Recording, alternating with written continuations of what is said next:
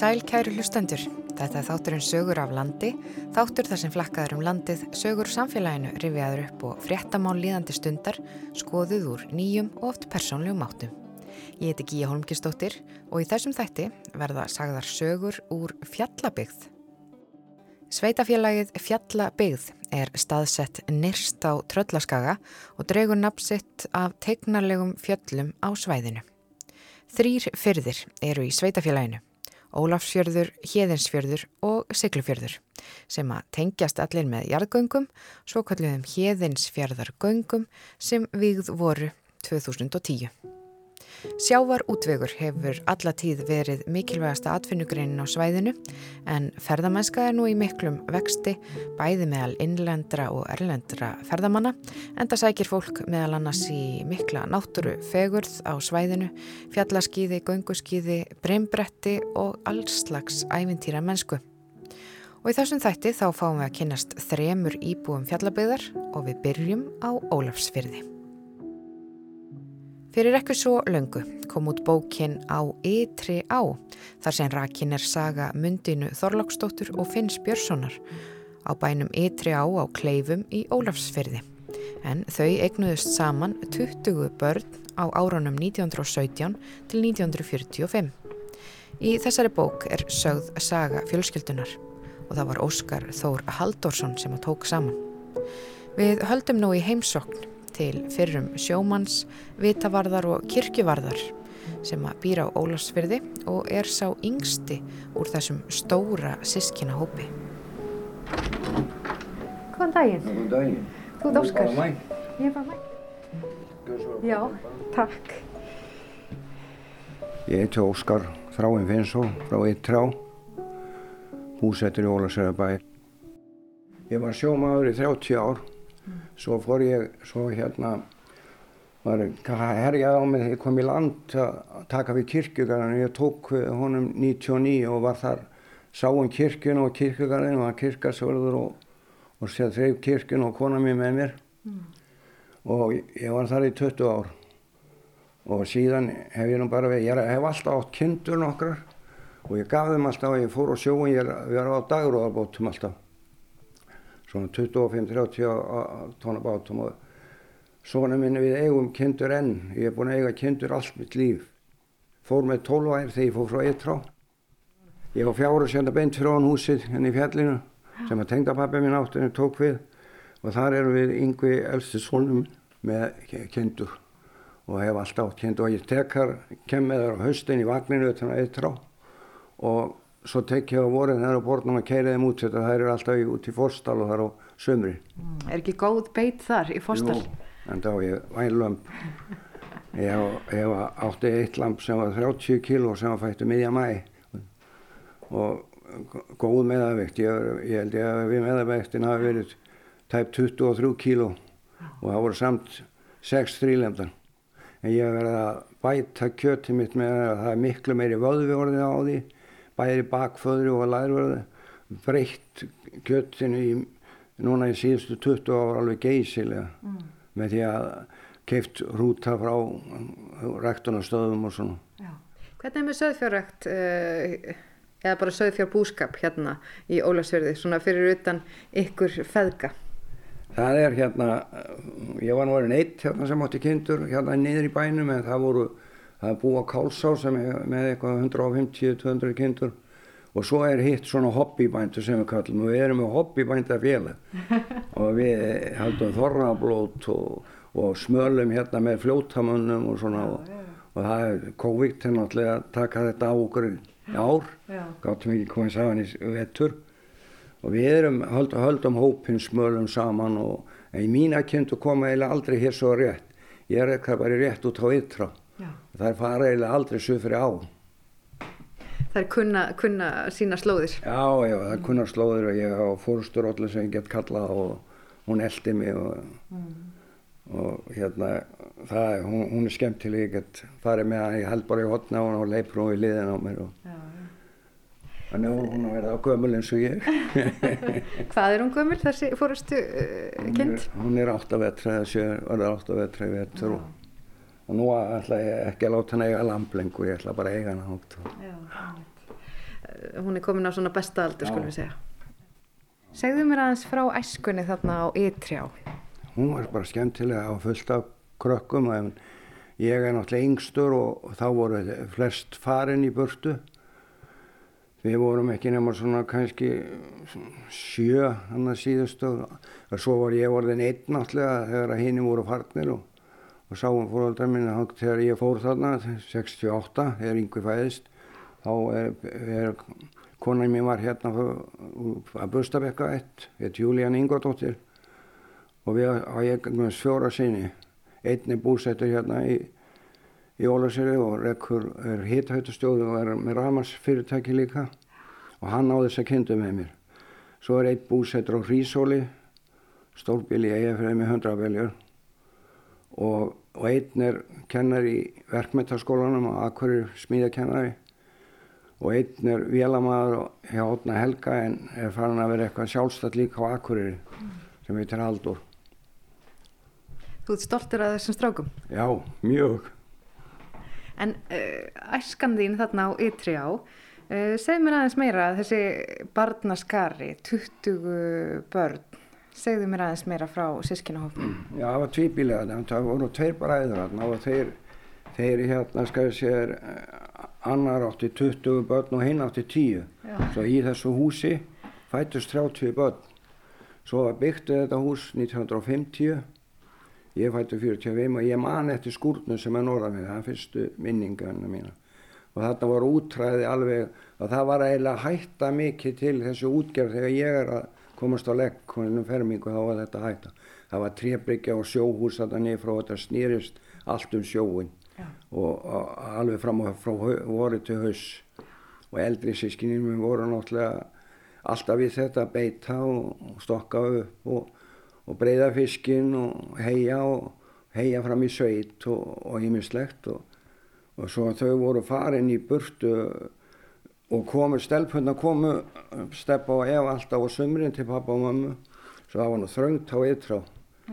Mjög þröngt en, en alltaf virtist snó plásand að þessum krökkum. Já.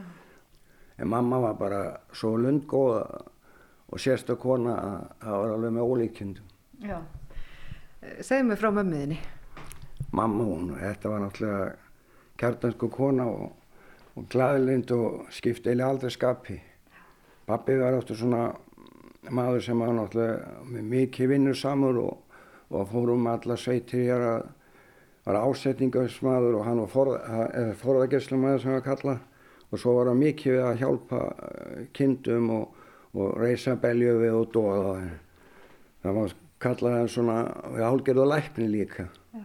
og hann þurfti að taka stundu á múti sínu böndum sjálf en það ljósmann kom ekki. Það var svona ímislegt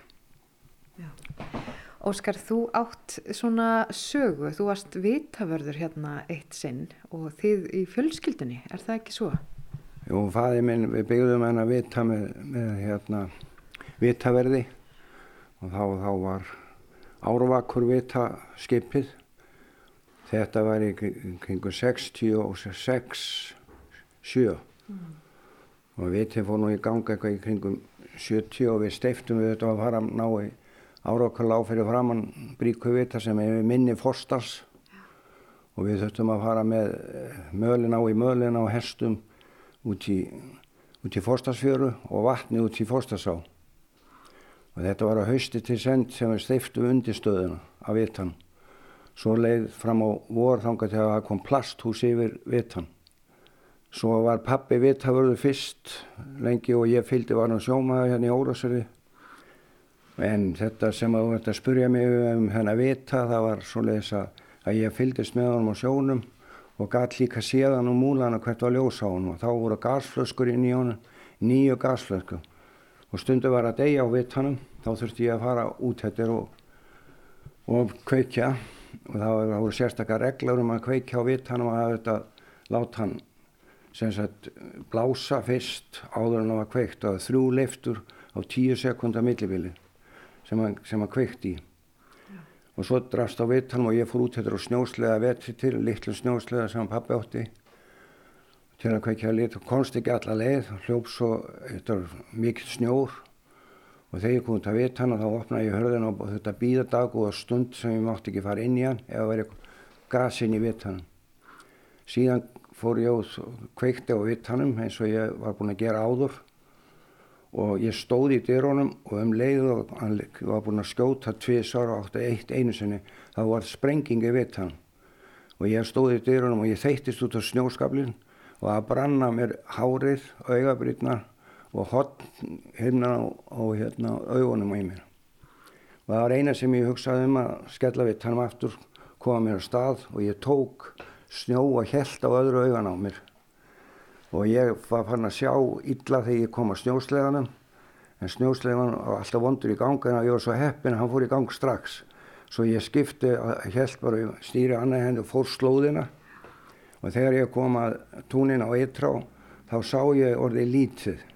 En ég, ég komst heim, það var engin á Eitrá, pappi og mamma voru farin.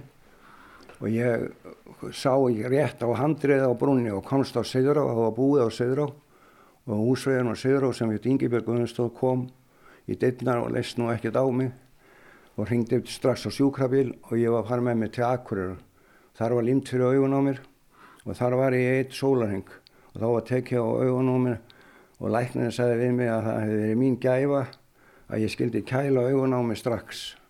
Það hefði retta sjóninni og ég fór heim eftir Rúman Sólarheng aftur og það, og það var ótrúlegt að ég hef aldrei fundið neitt til í augun síðan. Þessi vélsliða ferð tilbaka, hvað hugsaður, hvað fór í gegnum hugaðinn þegar þú varst að fara þarna á vélsliðanum tilbaka? Að reyna að komast á og fylgja slóðinni, að reyna að sjá, reyna að skipta á augunni því ég alveg sá ekkert orðið með öðru augunni, að reyna að setja á hitt augan og reyna að sjá slóðina því að ég rétt sá handriði á brunni sem ég þetta var yfir, sem ég var að koma að segðra á. Og ég komst í dittnar og segðra á og svo beigði ég bara eftir að sjúkrabillin fór maður mig til Akureyru. Mm. Og það var góð færð þannig að þú komst alveg bara greiðlega? Já, það var fært út á kleifa þá þegar þetta var og búið að móka og það var alveg ágætsfærin en því mér hefði keirt bindin og Akureyri. En uh, helstu svo áfram að vitja vit hans eftir þetta eða? Já, já, ég, fylgdi, ég var alveg, þetta hefur líklega skeið svona í gegnum kringum ja, 83, fjögur og, og ég var alveg með hann þangað til að það kom 91 Já. Já, þá sá ég hann vitt hann En varstu ekki bángin e, þegar þú varst að fara svona eftir slísið eða hvernig var það? Nei, nei, nei, ég var ekkert bángin við það því nú passaði ég með enn betur á þessum að draf á vitt hann því þetta hefur bara verið fyrir það að lokan þegar hann skýtur upp þá var það bara fyrir að lokan hún stoppar ekki. Hún stoppaði svo og það var ljós á henni þegar ég fór. Skellt eftir hurðun og fór, þá var ljósið komið á. Þá var bara þegar gasir ég varði í dyrun til ánsins annars hefði hann þessi hennilega drefið mig. Og ég þeittist út úr dyrunum á baki í snjóin svo að þetta var talsöðu þrýstingur sko. en það var ekkert hár og höstnum um mér og framann og engar augabrið og ekki neitt Já. svo ég hef nú litið ábygg lítla út þegar ég hef komið til húsa hérna og siður á Þú hefur verið hálf ófrínilegur. Já, já, kannski ekki frínilegur fyrir en ekki verið að batna. Fóstu vanalega þessa leið á snjúsliða eða var þetta bara tilfallandi þennan dag eða hvað?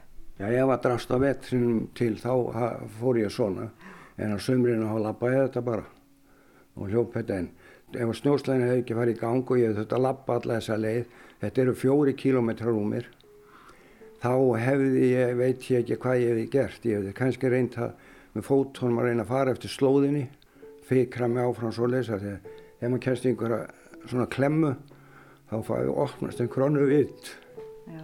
Það er bara svo les. Það er eitthvað annað. Ég hef búin að lenda í, í að reyka fjöverstanu hinsu og haustun og lenda í stórri og það er eins og þegar maður þrengir að manni að maður fá einhvern annað afl. Já.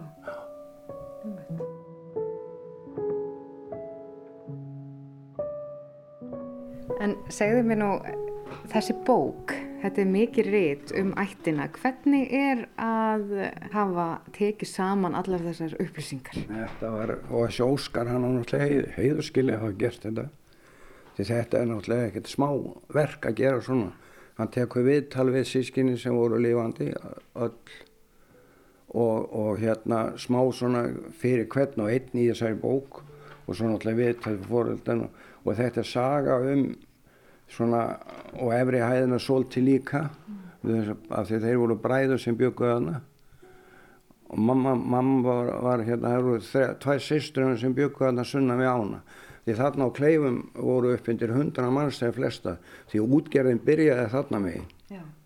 og þarna kom fyrsta rafstöðin í Ólarsson þeir, þessi bræður og, og tveir sunna við á eða þrýr, þeir byggður rafstöð og kom upp rafmagnina 1933 og það var alveg einstakt við, við þennan fors og ef að, ef að hérna ætti að segja eitthvað frá þessu almílega sem er nú búið að gera eitthvað að þá þetta fara að að virkinu og ekki lægi eins og er.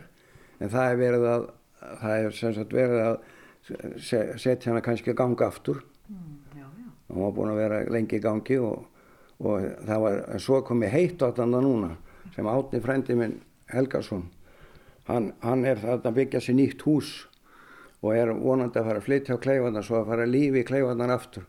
En það er margir það alltaf á sömurinn Þannig að þetta er góði staði til þess að koma. Á Já, þetta er fallegasti sömarstaðurinn á Jólasöfi margir sem leggja leið sína að náta á kleifara þegar þetta er rosa sömarfallegt aðna En þú hefur hérna gott útsinni, þú býr hérna á brekkunni í Ólarsfjörði og maður getur hort svona út að kleifum og, Já, og út að við. Yfir hafnarsvæði og yfir fjörðin sem maður myndist með öllum bátum eftir að maður hætti sjálfur og sjó. Núna sér maður bara alltaf bát fara hér við þessi gríðarlega góðu hafnaskilir sem eru núna með þeir sem var hér fyrst. Mm -hmm. Bátöndum þetta flýja inn á Dalvik þegar vond voru veður en nú er komið þessi fína hafnastæðin. Fjörðunins bara grunnur fyrir þessi skip og það aldrei, hefur aldrei verið reynd að díkva neitt skipi hérna.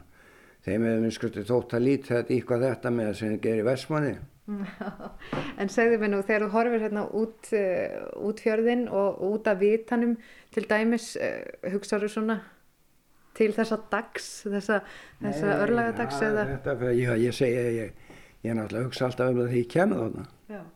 Ég fer þarna á hverju ári og stundu tviðs að ég ná í kinduna mínur og svona og, og oft fer ég gangandi þarna. Það er gengið mikið að nút þetta, er kindastlúð. Ég hef haldið henni við svona með að týna grótturina, þá sparka ég alltaf grótin úr göttunni, mm. reynar göttur að nút þetta og, og svo, hef, svo er brúðarna út frá sem ég er búin að halda yfir það fórstasáni sem ég var bara ungur Já. með pappa náttúrulega fyrst og síðast þá vantæði mér vona á hana dekki og ég við, við kona mín fórum með undirstöðunar og reyðbunduð og reyðhjól þegar fórum með undirstöðunar og svo vant það mér að setja þá dekki út þetta ég var búin að bunda í bund þyrluflugum að sem var að fljúa þarna í finninum sem ég kannast við Björgvin Jón Dalvik var með hann bauðst til þess að fljúa með bundin fyrir mig út þetta svo ég, ég setti þau setti, þá fór svo ég á 17. júni og kona mín með mér og við settum þetta á og það voru hjón frá Siglifjörði maður sem heiti Björn og Helena þau voru út í, út í Bjarslið. Svo ætlaði ég var búin að rýfa svo allt á og þau ætlaði að fara yfir ána og ég við Björn, ég þekkt hann aðeins. Sagði ég að já nú er þú að smíða mig þú smíðið, nú er að setja dekki á og svo þú komist heim. Og hann gerði það og, og brúi ég hef haldið þessari brú alltaf við. Þetta er lítil gangubrú bara. Mm. Þannig að þú horfir hérna um fjörðiðinn, Ólafsfjörð með mikilli svona já, miklu ásti í hjarta mm. en ég ætla að þakka þér fyrir þetta góða spjall mm. Óskar og bestu þakkir fyrir að deila söguðinni og gangiði vel Já, þakka þér sömulegis fyrir komana Þarna var rætt við Óskar Þráin Finnsson á Ólarsfyrði En frá Ólarsfyrði höldum við í heimsókn í vinnuna til mann sem er ja, tiltrúlega nýlega fluttur á svæðið.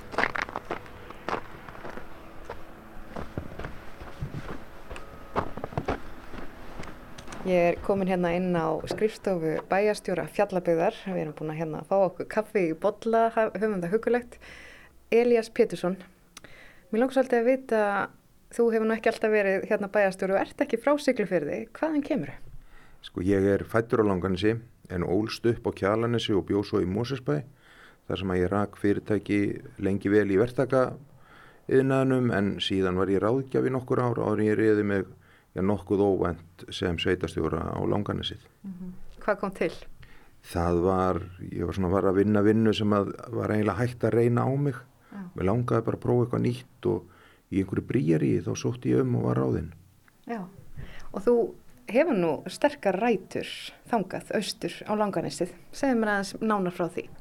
Já, svo sannarlega að afi minn er síðasti ábúandin á skálum á langanissi og fjölskyldan á jörðina þannig að við höfum í nokkra ætliði sko, verið, þarna eða móðurættin mín og langaði minn er sá sem að leiði í rauninni aðstöðuna undir þá útgerð sem að var á skálum þannig að ég hef verið alin upp í því að, að skála, skála séu svona miði alheimsins Kanski ekki ólíkt fólki hér í fjallabið?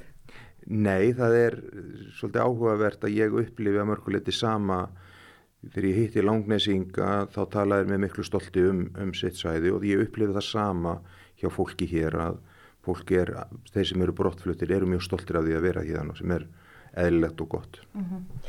Þetta er auðvitað þetta tröllaska svæði, hérna eru þessir fyrðir, það, það er stutt út á bara uh, reygin haf hérna og, og náttúru öflin auðvitað, þetta er ekkert ósvipað og, og, og langanis, auðvitað allt annað landslæg en, en svona það er þessi náttúru öfl og tengingin.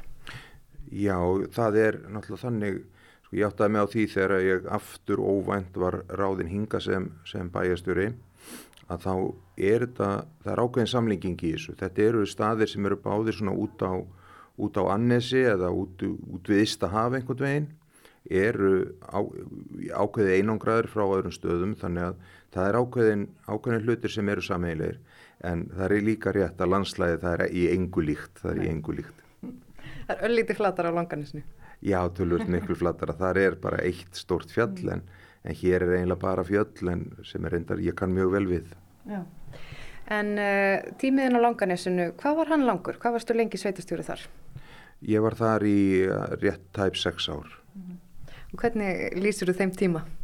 Hann var bara mjög góður, ég er náttúrulega, þetta var svolítið eins og að koma heim þannig, það var búin að lýsa þessu þannig fyrir mann og alamann þannig upp. Þannig að hann var bara mjög góður, mikil reynsla, alveg gríðalegur skóli í, í þessum sveitastjórafræðum sem að var bara, já, bara mjög góður. -hmm. Svo kemur þú hingað, þú ert ráðin sem bæjarstjóri í fjallabiðar. Hvað kom til að, að þú varst fengin hingað?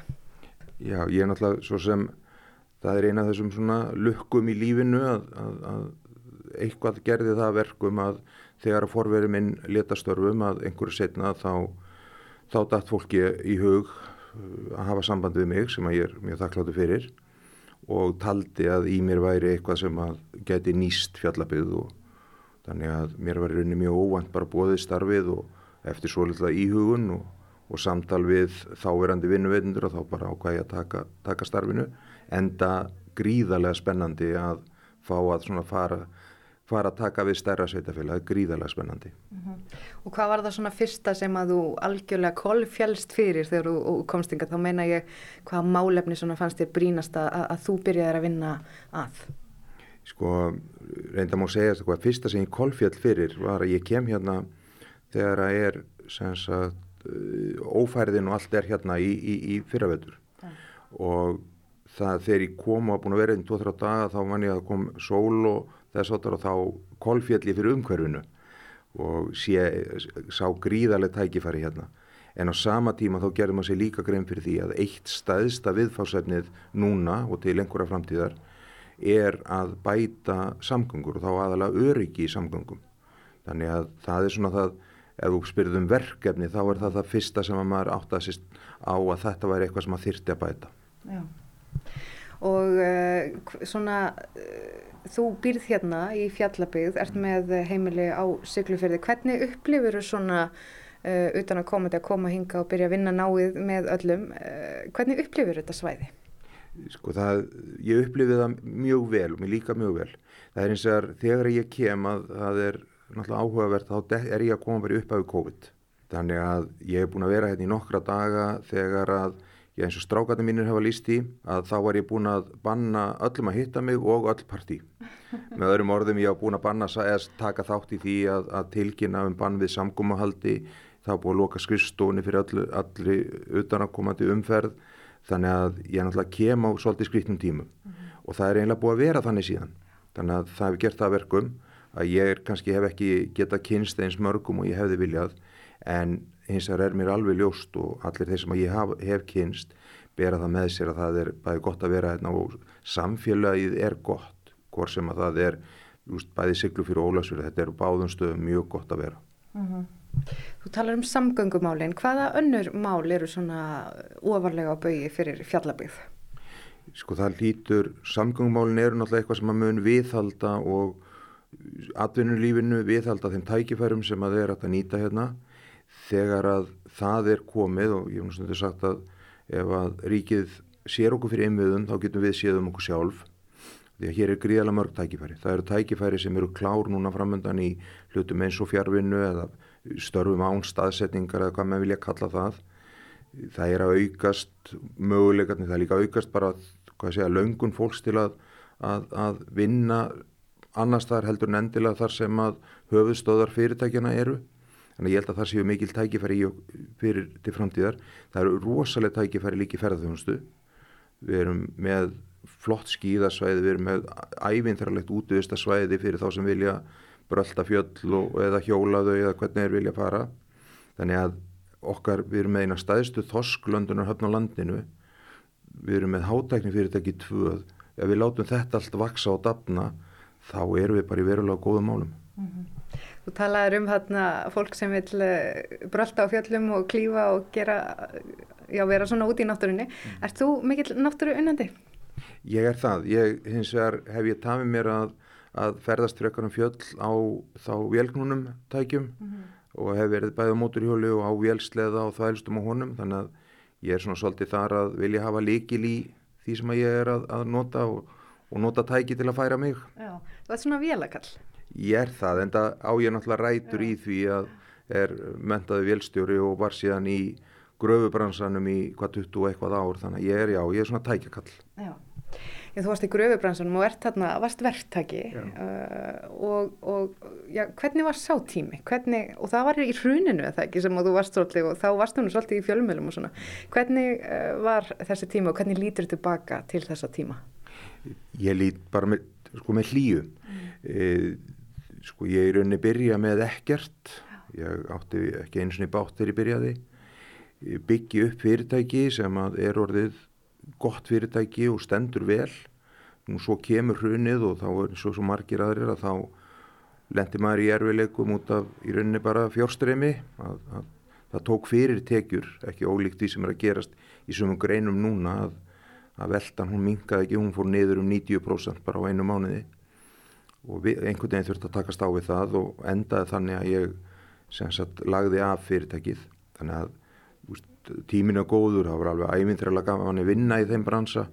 Kynntist mörgu góði fólki og allt það og svo kom erfið tímar þegar maður sá allt sem maður hafi byggt upp sá það fara.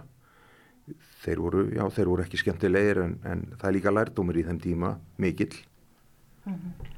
Þú fórst í þann í nám, er það ekki? Jú, Jú svo fór ég, þegar ég í raunni var búin að, að kansilera um það leiti, þá fór ég í háskóla þá loksins fór ég og lærði viðskiptafræði Þú segir loksins?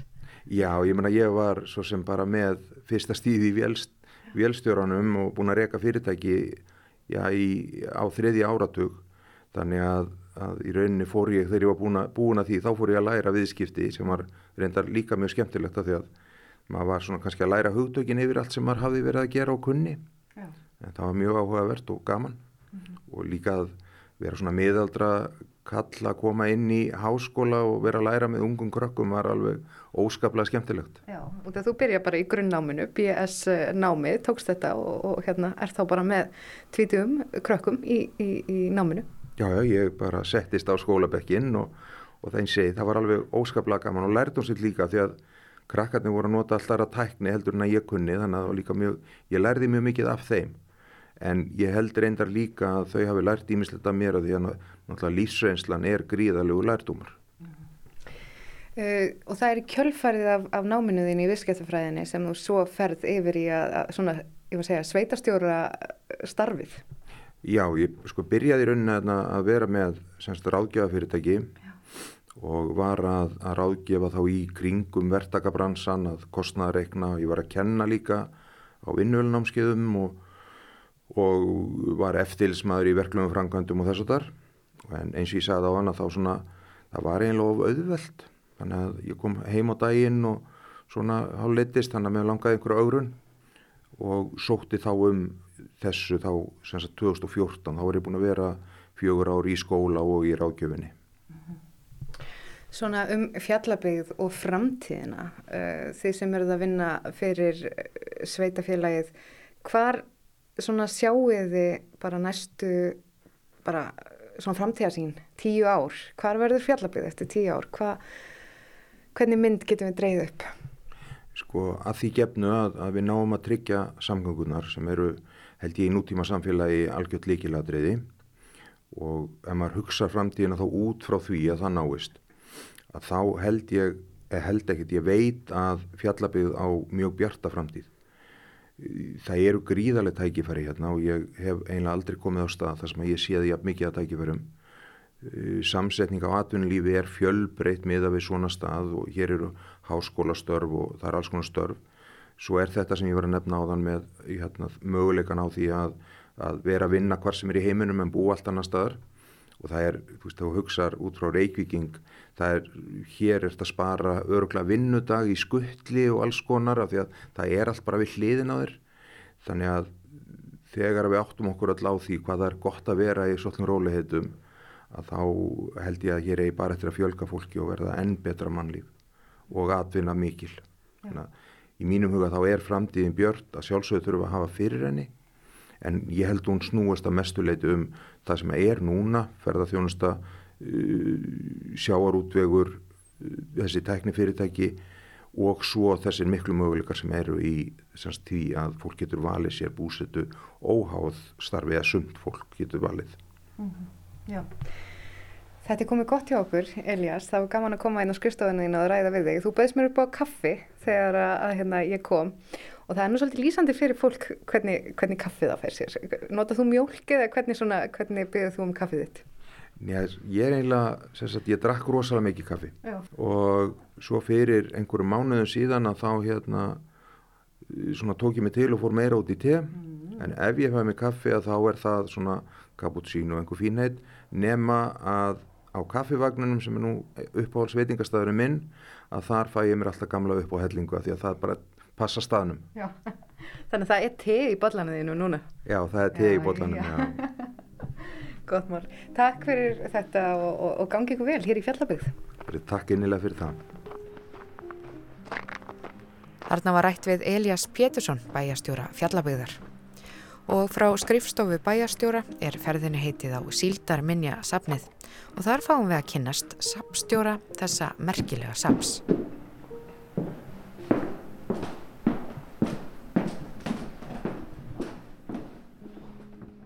Já, ég heiti Ani Tæðilefsen og ég er sapstjóri Sildarminnisaps Íslands á Siglufjörði. Mm -hmm. Og ert þú alin upp hér á Siglufjörði og, og, og á Siglufjörður í þér hvert bein? já, svona, já, ég er alin upp, fætt og upp alin á Siglufjörði og jú, ég hef mjög sterkar taugar til staðarins, ég veið ekki henni það. Mm -hmm. uh, og eins og segi, er hérna fætt og upp alin, fór síðan uh, til náms á myndaskóla árunum inn á Akureyri í kjölfæri til Reykjavíkur en var síðan afskaplega glöð að fá svona gott starfstækifæri sem hendaði því sem ég hafi mentað mig til á Siglufjörðu og geta flutt aftur norður. Já, við tölum aðeins áðan hérna áður en að ég kvekti á uh, upptökutækinu og þú varst að segja að, að, að þú, já, bara eina af þínum fyrstu vinnum varum eittu við þetta tiltekna sapn eða svona þegar það var í gerjun. Já, Og það er eiginlega svolítið svona, það er mjög skemmtileg minning vegna þess að uh, Örligur, þáverandi sápstjóri hérna, hann svona hafði ákveðna skoðunar af því hver, hvers konar sumastarfsfólk hann vildi fá á hvaða sviði, viðkomandi nefndur átt að vera sterkir. Og hann hafði sjálfur áður verið kennari við grunnskólan, þannig að hann hafði góð tengsl við kennarana. Og einhvert vorið vantaðan starfsfólk og hérna og leitaði eftir einhverjum sem voru sterkir í, á sviði sögu og samfélagsgreinu og tungumála. Þannig að það var bent á mig og aðra vinkonu mína sem reyndar fór alltaf aðra leið og er læknir í dag og örlegur ringdi sérstu bauð okkur saumastarf og þarna erum við bara ég man ekki hvort við vorum nýfermdar eða voru áður en við vorum fermdar og síðan hef ég eiginlega bara verið hér til að byrja með öll sumur í kjölfarið og, og svo síðan hérna bara allan ásins ring síðasta áratugin þannig að starfsárin þó þau séu ekki öll, telja ekki öll 12 mánuði þau eru 20 á þessu árið það er rosa skemmtilegt þegar sér 20 ára starfsferil þegar maður er svona rétt rúmlega brítur Það er hansi vel gert verði að viðkjöna það, það er mjög skemmtilegt. En hvernig mannstu svona æsku árin á Siglufjörði, hvernig var að alast hér upp? Svona í minningunni var það óðarlega ljúft. Það var allt mjög frjálst og einhvern veginn samt sko þó að siglu fyrir sem er lítill staður þá svona ef ég hugsa til þess bara þegar maður var að byrja í grunnskóla þá fannst manni staðurinn mjög stór. Ég er alveg upp í sannsagt söðurbænum eins og við kallum það og ég þekkti þann bæjar hluta mjög vel en allt svona norðan við eirin að það var einhver svona fjarlægur heimur og hérna það var mikið börnum allavega í mínu hverfi við leikum okkur mjög mikið úti. Það var alltaf einhvern veginn mjög mikið frelsi og skemmtilegt. Mamma bara góla át um gluggan hefa matatími og kalla okkur inn og svona. Þannig að e, það er svona það er mjög góða minningar af því að hafa verið barn hér. Mm -hmm. en síðan sko þegar maður eldist þá hérna svona kannski breytist sínin á ímislegt og maður kannski hafði svona öðruvísi þarf fyrir félagslíf En þegar ég til dæmis ekki hún á mentaskóla aldrun þá man ég að tilfinningin var mjög sterk sko hvað allt varð rólegt yfir veturinn. Að þegar við fórum á haustinn krakkarnir í mentaskóla og, framhaldsskóla að þá einhvern veginn fannst manni bara bærin tæmast af fólki á okkar aldri. Mm. Þannig að þá var oft gott að samræma helgarnar sem að var ákveða að kíkja heim, fara, fara heima, heimavistinni og, hérna, og hafa það áfram félagskap hvort og öðru hér En í dag er þetta rosalega breytt. Nú höfum við mentarskóla í Ólasverði sem er rosalega mikil breyting og bara ótrúlega jákvægt að öllu leiti fyrir þetta samfélag okkar hérna á Tröllaskaga og í Fjallabíð. Þannig að nú er einhvern veginn bara ungt fólk hérna blómstrandi allan ásins ring sem er rosalega skemmtilegt og svona ólíkt því sem ég upplifði á mínum mentarskóla árum. Mm -hmm. Þú talar hérna um já, þessi sammenningar áhrif, það kemur þessi framhaldsskóli í Ólafsfjörð, á Ólafsfjörð sem að hérna uh, já, út fólk getur sótt af svæðinu og það er líka sammeili kennsla í, í grunnskólanum. Mm -hmm. hvernig þetta lítur að hafa mikil áhrif á, á, á samfélagið? Já, það gerir það. Uh, nú sko nú hérna náði ég í rauninni aldrei svona sameinlegri kennslu. Sameiningin er, er hérna eftir þann tíma sem ég klára allavega grunnskólaskildu og, og ég var nú komin í háskólan reyndar þegar sameiningin varð. En ég held að það sé mjög jákvæmt og sjálf á ég barn í grunnskóla og ég get ekki skinnjað að krakkarnir gerir nokkurt greina mun á því hvort að bekkjafélagarnir eigi heima og sykluferði ólasverði það er svona þessi þarf að taka skólarútuna og hinn ekki Sónu minn sem er bara í fyrsta bekk, hún finnst reynda svolítið skríti akkur að hann má ekki taka rútuna þegar húnum hendar að fara að leika við vinni sinni í Ólasari sem hún sé kannski ekki alveg nógu stóri það en þá. Þannig að það er svona einu nökratnir sem ég verður við. Það er kannski aðeins svo langt að skrepa og leika eftir skóla hérna, þegar, þegar vinnirni búa hinnum með með gungin eða híðinsjörðin. En að öðru leiti þá bara einhvern veginn finnst mér þetta auka flórunna að öllu leiti. Það eru fleiri nefnendur og hérna meiri þá flóra í bekkjónum. Siglu fyrir Ólasörir eru þetta hvoru tveggja svona þar sem við sjáum sem litla staði og ég veit að áður en til samanningar kom, ég held að beggja vegna hafi verið sko árgangar þar sem var kannski einn stelpa eða eitt strákur og svo mikið fleiri af heinu kyninu. Mm þannig að það lítur þá að vera rosalega skemmtilegt fyrir þá nefnendur að fá allt í hennu hérna, bara helmingi fleiri nefnendur og, og fjölbreyttari bekkjafélag og hérna og það verður auðvitað áhugavert þegar að þessi kynslu sem að hefur alltaf upplifað það að, að það sé sameili kennsla og það sé þessi sameili mentaskóli, mm -hmm. þegar þessi kynslu er svolítið farin kannski láta til sín taka í bænum, þá kannski verður þessi virkilega sammenning komin á Já, ég held það. Ég held að sammenningin komi með svona þessari kynnslóð sem er að alast upp þegar að sammenningin verður. Mm. Og þetta er eitthvað af þeim nefnendum núna sem voru í grunnskóla þegar sammenningi varð orðin, fullorðin og svona alltaf því og komin lengra í lífinu núna, aðrir en þá í grunnskóla. En En ég held að það sé eins hér og kannski allstaðar annar staðar. Það eru auðvitað hérna ímis álita mál sem fólki greinir á um og hafa verið erfiðar ákvarðanir sem hefur þurft að taka á þessu framvegis. En alla jafna, allavega frá mínum bæjaturum séð, hefur þessi samanning verið af hennu góða. Og ég held að báðir bæjarkjarnar svona gefi hvort til annars og hérna þetta einhvern veginn auki bara lífsgæði okkar allra að vera eitt sveitafélag frekar enn tvö og mm. minnst bara mentaskólinn á Ólasverði er ótrúlega stór þáttur þar það er alveg það er alveg dásamlegt að búa yfir mentaskóla í ekki stærra samfélagin hér við erum bara samanlagt rétt um 2000 íbúar og hafa líka svona fjölbreyttan og framúrstefnulegan framhaldsskóla mm -hmm. finnst mér alveg frábært Já. og maður veit í sjálfu sér ekki hvort hann hefði orðið ef sveitarfélagin ekki hefði saminast mm -hmm.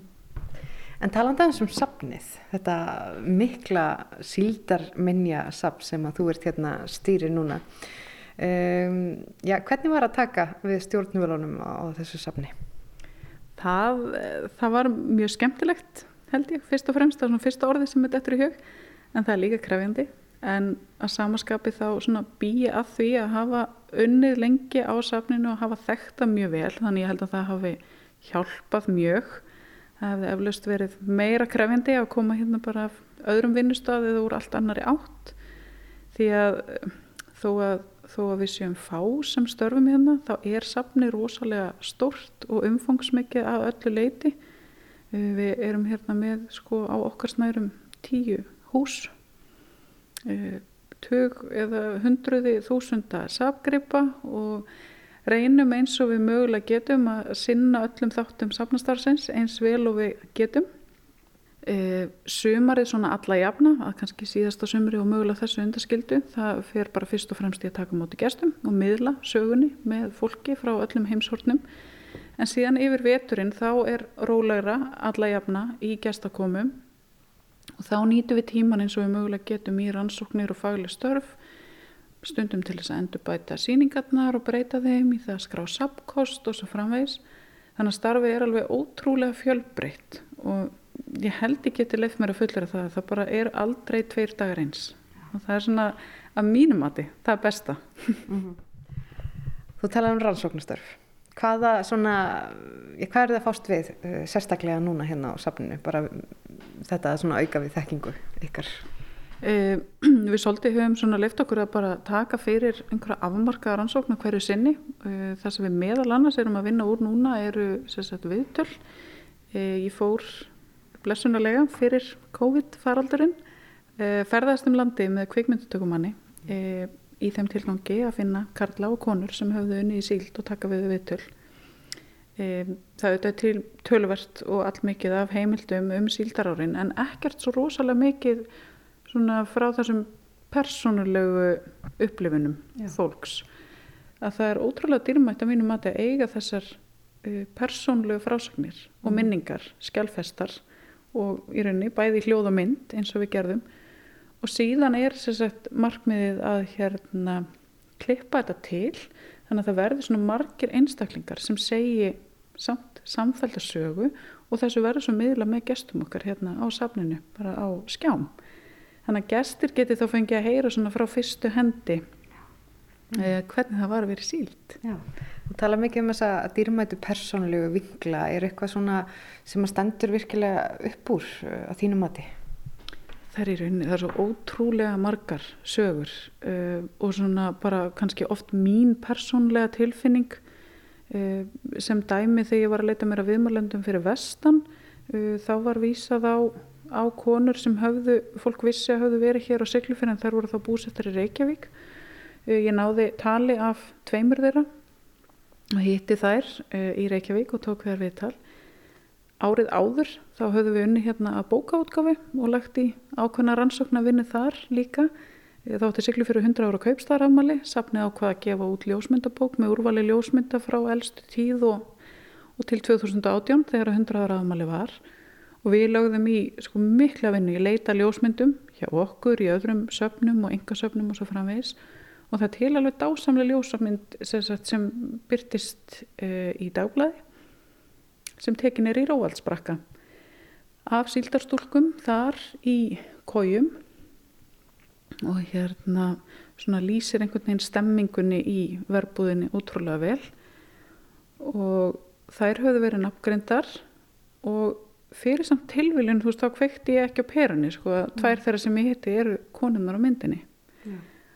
Og hérna síðan segja þær mér að þær önnur þeirra, þegar í miði viðtali segja mér að hún hafi búið í brakkanum og ég er að beða hann að, lýsa því fyrir mér hvernig lífið var og, og þá nefnir hún að hafi verið svo minnistætt þegar kom uh, bladamaður frá dagblæði til að taka við mynd og baða þær að stilla sér upp í kójunum Já. og þá náttúrulega sé ég bara þessa sömu ljósmynd fyrir mér og þá kemur ljós að þetta er svo sama og á myndinni sem við vorum búin að hafa fyrir því að grafa upp og nafngreina allar konunnar sem við vissum að voru allar að vestan.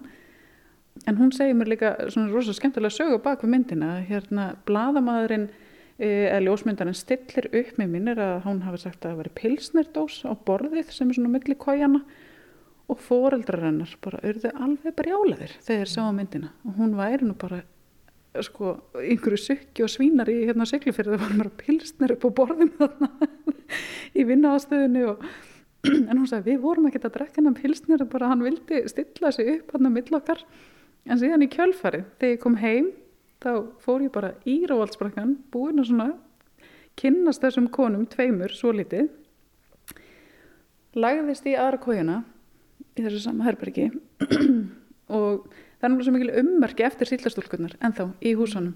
Og þær hafa til dæmis nota bæði naglalokk og blíjanda og penna til þess að setja nöfni sín á vekkina og, og þá bara voru þær rosa duglegar þessar sömu. Að krassi kójurnar þannig að hérna það eru nöfnin þeirra og nöfnin á hérna kærustunum og, og greinilega sko uppáhaldslögunum. Að sér að þetta er svolítið sama reythandin hérna í sömu kójunum sko. Já.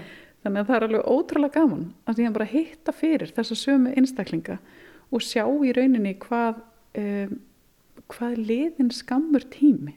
Þetta síldaræfintýri er svo fjarr okkur einhvern veginn í huganum. Þetta er svo allt annað veruleikja en við búum við í dag. Og það af fólki í íslensku samfélagi sem að upplifið þennan tíma. Þannig að þetta er í rauninni ekki ekki svo langt síðan. Það hefur bara breyst svo hratt mm. samfélagið okkar. Það er nú freka bjart yfir seglufyrði í dag. Já. Svona, finnst þið vorið vera að farið að svona segja til sín? maður er alltaf svo fljótur að ákveða að voru sé farið að segja til sín. Síðan bara vaknar á næsta dag og áttur að því og staðan svo fljótfær. En það er samt búið að vera eitthvað svona pínulíti voru í lofti undarfarið en, en ég, ég fagnaði ekkert of snemma. Það er bara februar ennþá við eigum ennþá eftir alveg getum átt eftir góða tvo vetramánuði sko. Já. Takk fyrir spjallið, Anita, hér á Síldaminnesafninu á Siglufjörði. Takk kærlega fyrir komuna, gaman að fá þig heimsókn Takk. Rætt var við Anitu Elefsen, sapstjóra Síldarmenjasapsins á Siglufjörði og þar með er flakki okkar um fjallabegðu lokið og sögur af landi hverðja. Tæknimaður í þessum þætti var Lítiða Gretarstóttir við þökkum þeim sem hlýtu lifið heil.